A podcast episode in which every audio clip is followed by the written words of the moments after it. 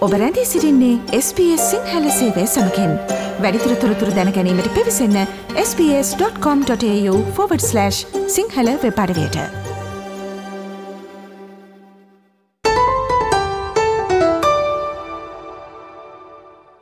අපට බොහෝ අවස්ථාවලදී ආහාර පිළිබඳ උපදෙස් ලබා ගන්න ආහාර හා පෝෂණය පිළිබඳ උපදෙස් ලබා ගැනීමට ආහාර වේදියෙක් හමුවීමට සිදුවෙන්නට පුළුවන්.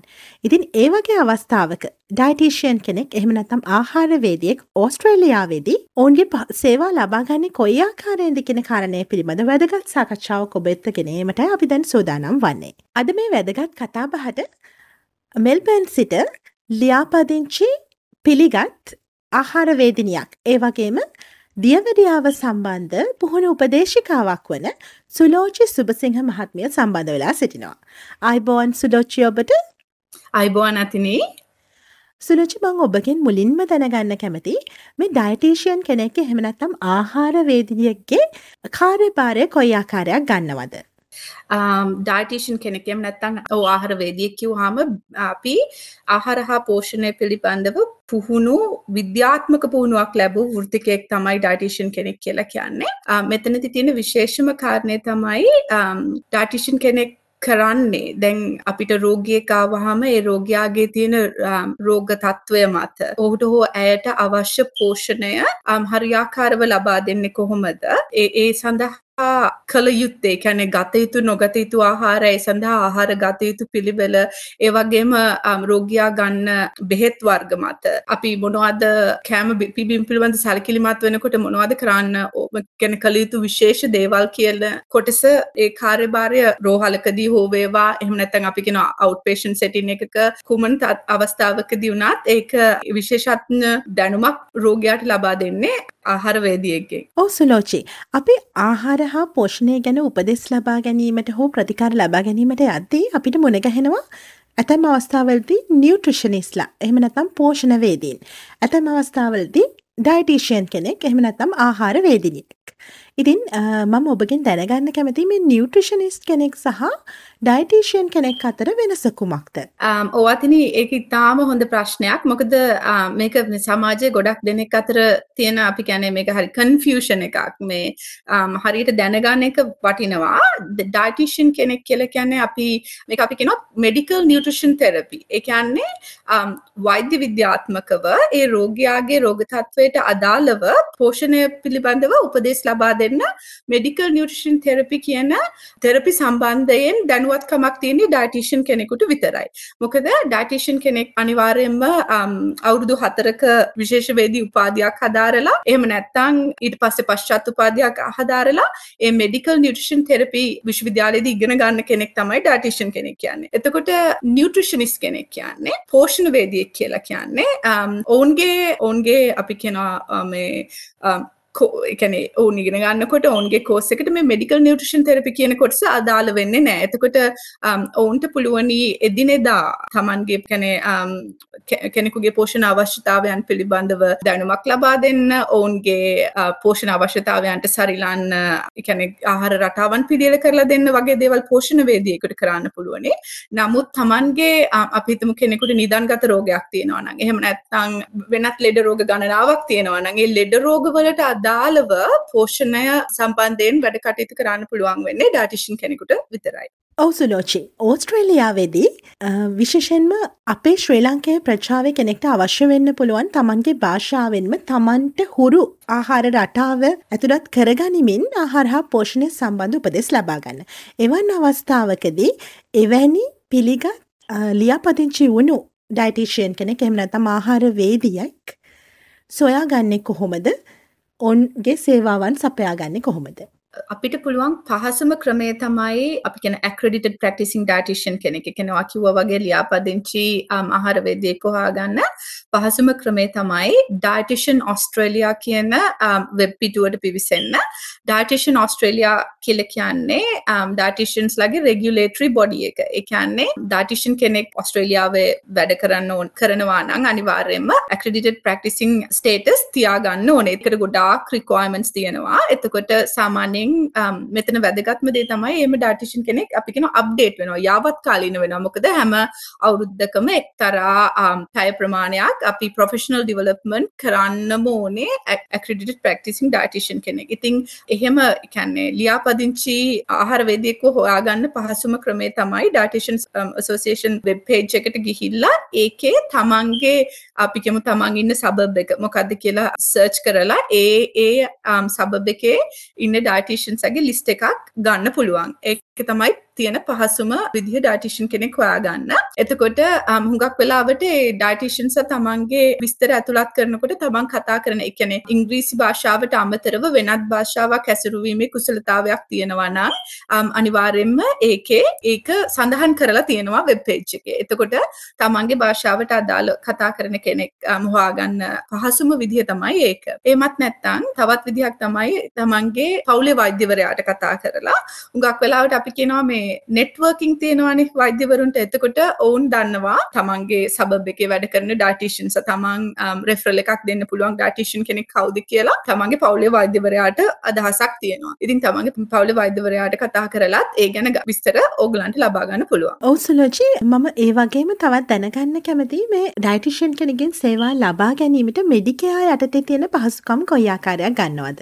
ඔවතිනි මේකෙදී මේ ඩයිටිෂන්ස්ලා වැඩ කරන කැන ඩයිෂන් කෙනෙක්ව හම්බ වෙන්න පුළුවන් අවස්ථා කීපයක් තියෙනවා. උදාහරණයක් විදිහට අපි මොන හරි රෝග තත්ත්වයක් ඇති වෙලා අපි රෝහල්ගත වුණොතින් හුඟක් ඒකට ඩයිටිෂන් කෙනෙක්ගේ සහාය අවශ්‍ය නම් කෑම බීම පිළිබඳව වෙනස්කම් කරගන්න දැන් උදාහරණයක් විදිහට අපි හිතමු කෙනෙකුට හෘදයාබාධයක් වැළඳිලා රෝහල්ගත වෙනවා නම් අනිවාර්යයෙන්ම රෝහලේ ඉන්න ඩයිටිෂන්ගේ සේවාව ලබා දෙන. ඒක අනිවාර්ය අංගයක්. එතකොට ඒකට අමතර වියදමක් වැය කරන්නේ නැතුව රෝහලෙන් පහසුකමක් විදිහට ඒක අපි කියනවා ඉන්පේෂන් අවස්ථාවේදී හම්බ වෙනවා. ඒ වගේම ගොඩක් වෙලාවට මේ නිදන්ගත රෝග තියෙන කට්ටිය අපි කියන අවුට්පේෂන් ක්ලිනික්ස් වලට යනවනේ ස්පිරිතාලවල තියෙනවා අපි කියන සායන. එතකොට ඒ සායන වලට යන කට්ටියටත් ඒ තමන් යන තමන් යන රෝහලේ ඒ සායනයේ වැඩ කරන ඩයිටිෂන්ගේ සේවාව ලබා ගන්න පුළුවන්. ඒකත් මෙඩිකා යටතේ තමයි සිද්ධ වෙන්නේ. ඒ වගේම අපි සමහරක් වෙලාවට දීර්ඝ කාලීනව සමහර රෝගීන්ව අපි කියන මොනිටර් කරන්න ඕනේ සමහර රෝගීන්ව. එතකොට තමන් ඇතුළත් වෙච්ච රෝහලෙන් අපි කමියුනිටි ඩයිටිෂන් කෙනෙක් ගාවට. ඒ කියන්නේ කමියුනිටි හෙල්ත් සෙන්ටර් එකකට දානවා. දැන් උදාහරණයක් විදිහට දැන් තමන් අපි හිතමු ඇල්ෆ්‍රඩ් රෝහලට ඇතුළත් වෙලා ඇල්ෆ්‍රඩ් රෝහලෙන් දීර්ඝ කාලීන ප්‍රතිකාර ලබා ගන්න අපි හිතමු දියවැඩි ආරෝග්‍යයක් කියලා ඔවුන්ව දානවා ඇල්ෆ්‍රඩ් රෝහලට අනුබද්ධිත කමියුනිටි සෙන්ටර් එකකට. එතකොට ඒ කමියුනිටි සෙන්ටර්ස් වලත් ඩයිටිෂන් කෙනෙක්ගේ සේවාව ලබා ගන්න පුළුවන්. ඒකත් මෙඩිකයා හරහා හෝ ඉතාමත්ම අඩු ඩොල දහයක වගේ අඩු මුදලකට කමිනිිටි සෙන්ට එකකින් ඩටිෂන් කෙනෙක්ව ගේ සේවාව ලබා ගන්න පුළුවන්. ඊට අමතරව තමන්ගේ පවුලේ වෛද්‍යවරයාට පුළුවනි තමන්ට නිදාන් ගත රෝගයක් තියෙනවා අපිගෙන ක්‍රෝනික් ඩිසිස් එකක් තියෙනවා නම් පවුල්ලේ වෛද්‍යවරයාට කතා කරලා එන්හන්ස් ප්‍රයිමරි කයා ප්ලෑන් එමනත අපි කියෙන EPC ප්ලෑන් එකක් කියලා. මේ ප්ලෑන් එක අරගෙන මේක සාමාන්‍යයෙන් මාස දොළහකට අදාළවයි දෙන්නේ. කැන මාස දොළහක් වැලිඩ් මේ ප්ලෑන් එක.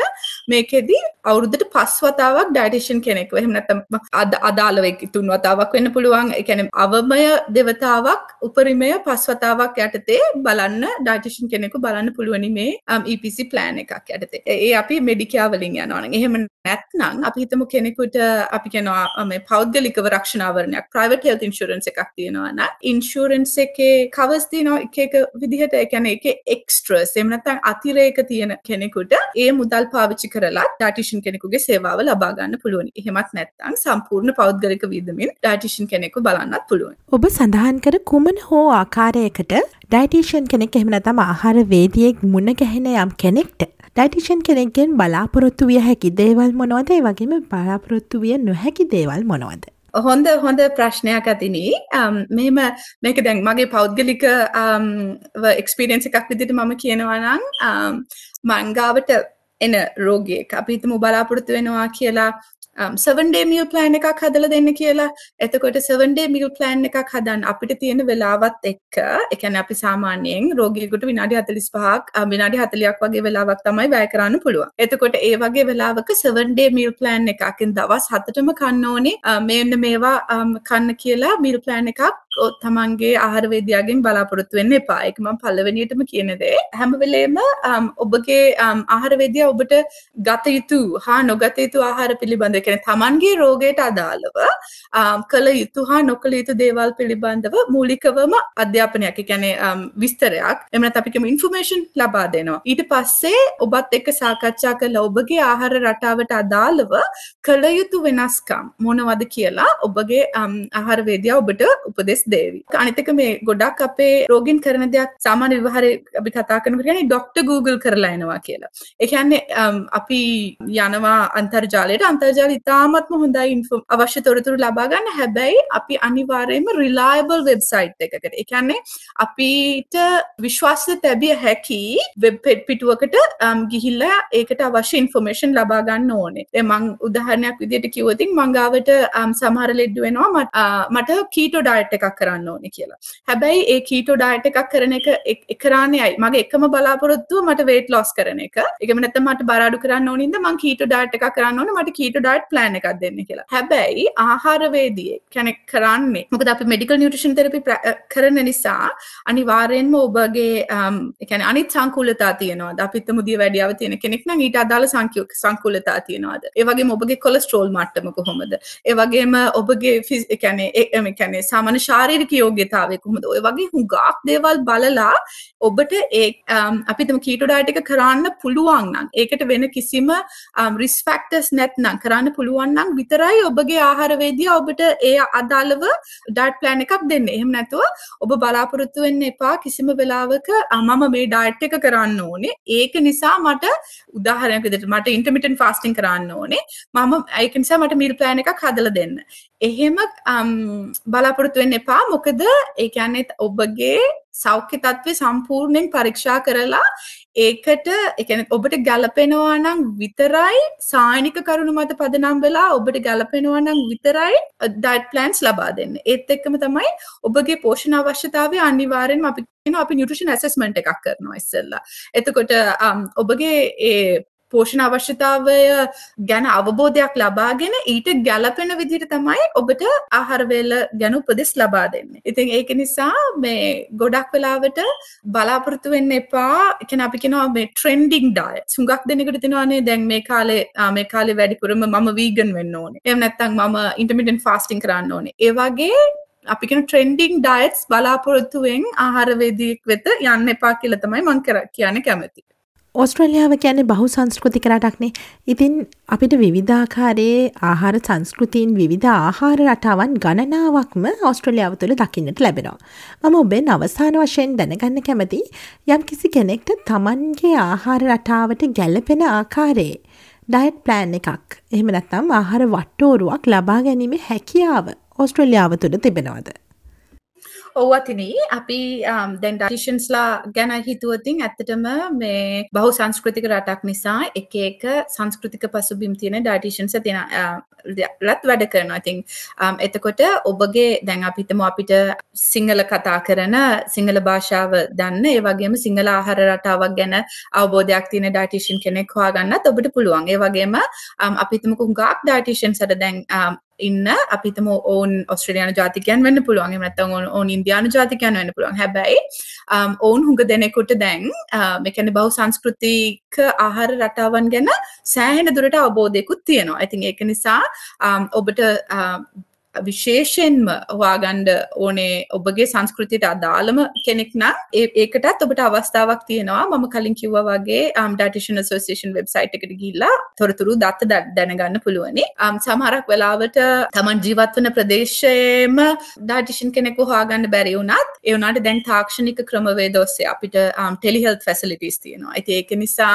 um, ඔබට ටෙලිහෙල්ත පොයින්මට එකක් විදිහට වුණත් දුරක ඉන්න ඩටිෂන් කෙනෙක් වුණත් සම්බන්ධ කරගන්න කරන්න හැකියාවක් තියෙන.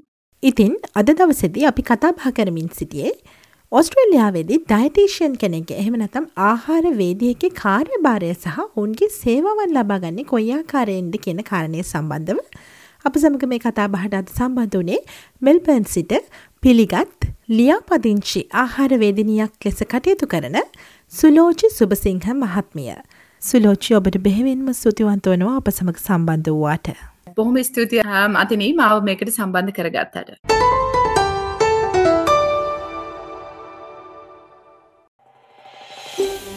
මේ වගේ තවත්තොරතුරු දැනගන්න කැමතිද. එහමනම් Apple podcast Google podcast Spotify ඔබගේ පොඩ්කාස්ට ලබාගන්න ඕනේම මාතයකින් අපට සවන්දය හැකේ.